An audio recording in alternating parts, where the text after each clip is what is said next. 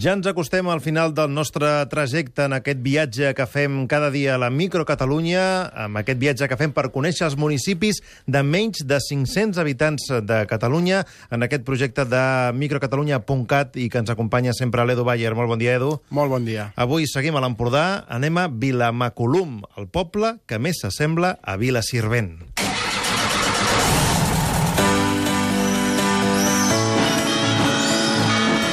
Viatgem per la Microcatalunya.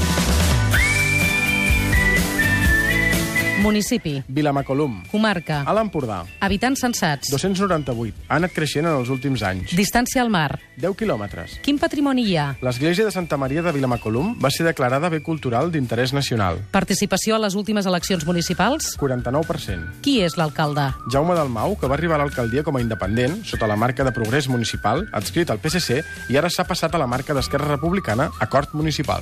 El micromoment. Tinc entès, Edu, que aquest és un poble traumatitzat pel GPS. Què vol dir això? Per què? I tant, us ho explico. Vilamacolum és un poble situat a dos quilòmetres de Sant Pere Pescador, que és una, és una zona on hi ha molt turisme de càmping. Tot i que Vilamacolum, pròpiament, no té gaires turistes, sí que hi ha un centre que es dedica a cuidar les caravanes durant els mesos d'hivern quan, no es fan, quan no les fan servir els turistes. I resulta que al GPS indiquen una ruta per arribar-hi que passa pel mig del poble, per uns, carrers, per uns carrers estret, on les grans rolots i les caravanes dels turistes sovint es, sovint es queden encallades. I això, tot i que hi ha una carretera, de, una carretera que voreja el poble, les màquines sempre porten pel mig. Aquest és el problema de la gent que du GPS i que no l'acaba d'actualitzar, no? que encara t'indiquen el carrer estret pel mig del poble i la carretera nova... Doncs, no ho sé si és, si és qüestió d'actualització. El fet és que, que, que com, com, on, on has de trucar per dir com a ajut? Perquè un cotxe petit sí que hi passa, però un cotxe gran no. Llavors eh, no, no saben on trucar, no saben on el telèfon del GPS per dir, escolti... El senyor, sí, senyor GPS, I a més el, el, el mateix GPS no discrimina si és un cotxe gran Exacte. o és un cotxe petit. Bé, per evitar més problemes, des de l'Ajuntament van intentar, eh, bueno, van intentar no, van posar eh, cartells de prohibit que les, de prohibit que les caravanes circulin per poble i els veïns sempre que poden donen, donen indicacions als turistes, però sembla que aquí qui mana és el, segueix sent el sí, GPS. Quan la gent mira el GPS, mm, poc que mira els senyals de, de trànsit i fa més cas del que li diu la màquina que no pas de com eh, sempre s'havia fet, no? Ja. Doncs anar mirant els rètols. Sí, i el que passa és que hi ha una cantonada en concret de Vilamacolum on hi ha una casa de pedra que s'està esmiculant perquè sempre és allà on van a parar tots els cops. L'any passat, la gent de Vilamacolum es van empipar tant pel tema que en ple estiu van tallar el carrer amb dues bales de palla. Però no saben com arreglar la situació de forma definitiva, perquè, tot i els cartells, la gent segueix passant per dins del poble.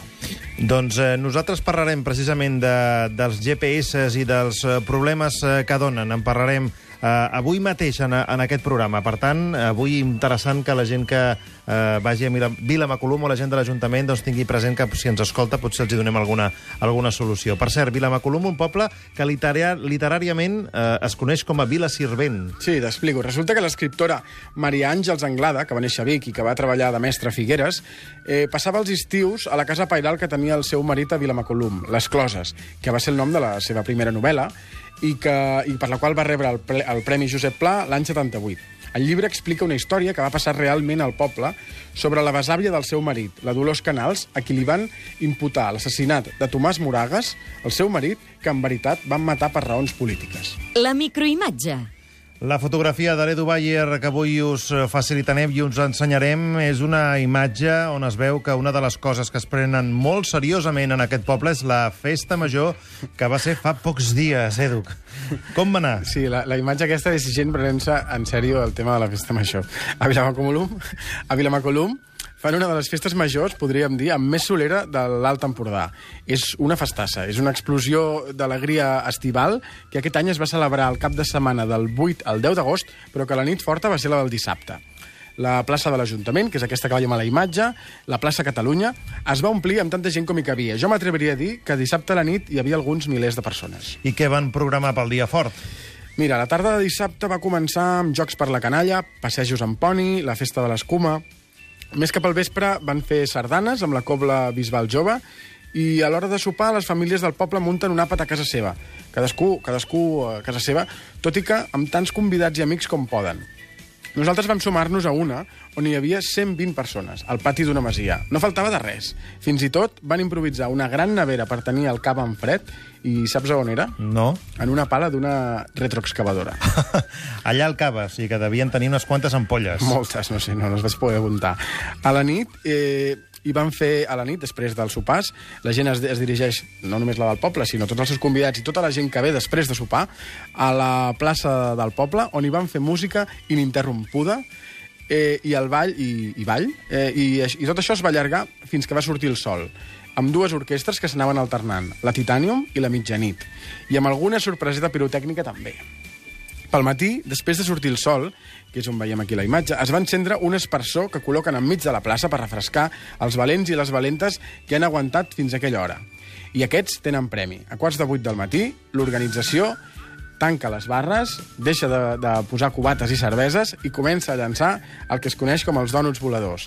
La festa té tanta fama que fins i tot una parella d'amics que vam conèixer, l'Isaac i l'Ismael, van arribar aquest any des del Maresme eh, amb una moto de 49 centímetres cúbics i van trigar 4 hores. 4 hores per arribar a la festa major de Vila, Vila Macolum, eh, aquesta expressió, explosió d'alegria, de joia estiuenca, amb, tota aquesta, amb tot aquest jovent que veiem en aquesta microimatge, demanant a crits que també volen aquest dònut de matinada després d'una llarga nit de gresca I picant a la barra. I Picant picant. la barra. Volem els dònuts. Aquesta és la imatge que podeu veure avui al Facebook i al Twitter del programa. Gràcies, Edu. Adéu, bon dia.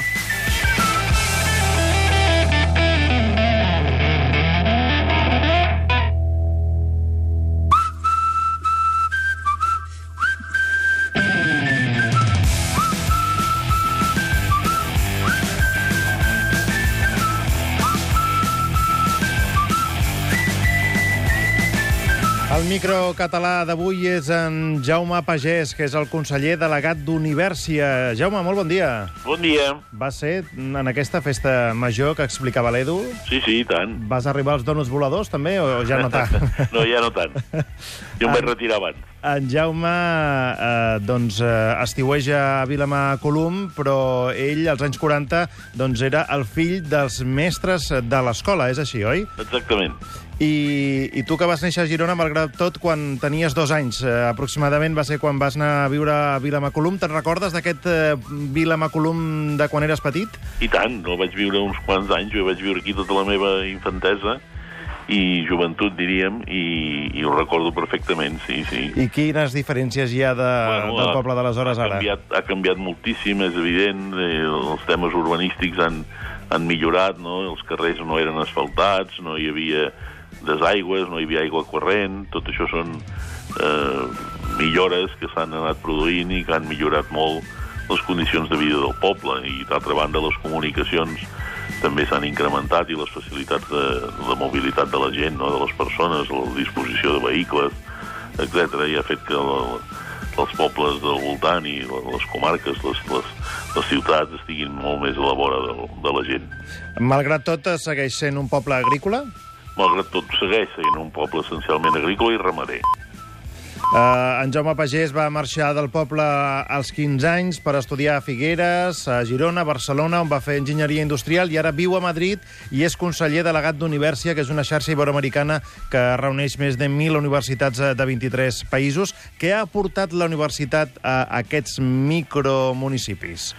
Jo crec que les universitats han aportat en aquestes, eh, en aquestes comarques en general doncs, eh, essencialment la formació de les per, la pers persones amb una formació superior que permeten a les eh, petites i mitjanes empreses que, que, que viuen en la, en la zona, en la regió, doncs, eh, fer coses que d'altrament altrament no, no es proposarien mai. No? O sigui, la formació de la gent els permet eh, una vegada aquests joves o, o persones s'incorporen a les empreses, doncs assumir i afrontar reptes que d'altra manera no es proposarien. Per exemple, doncs tota la qüestió d'internacionalització i de venda a l'exterior que algunes empreses gironines han, han, han reeixit i, i els ha permès superar la crisi en, en millors condicions de les que ho haguessin fet si no haguessin, si no, això ha estat possible gràcies precisament a l'empenta, a la il·lusió i els coneixements dels joves formats a la Universitat de Girona, en aquest cas, que s'han anat incorporant en aquestes petites i mitjanes empreses de,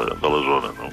Perquè, clar, algú podria dir que molts pobles s'han quedat sense joves perquè s'han anat a estudiar a fora, a la universitat, i, i molts ja no han tornat. També és veritat, també és veritat, això és així. I, però, en fi, eh, també, hi ha, també hi ha gent que ha vingut a viure a Vilamaclum, per exemple, i que no en són fills i que ara hi estan fent vida perquè troben que, que és un entorn agradable i els permet desenvolupar la seva activitat de, de, de, de, diferent de la tradicional, evidentment, ramadera o, o agrícola, sinó una activitat més aviat de serveis, i que eh, amb, el, amb el creixement de les noves tecnologies i les possibilitats de treballar a distància, doncs eh, això, això fa possible aquest treball visquent en un lloc eh, com el d'aquest eh, municipi, no? I si més no, sempre hi ha la gent doncs, com tu que recupera aquestes arrels durant l'estiu i torna a estiuejar a Vilamacolum, no? Sens dubte, també, també. Jaume Pagès, moltíssimes gràcies. Una abraçada, molt bon dia. A vostra disposició. Gràcies a vosaltres. Adéu-siau.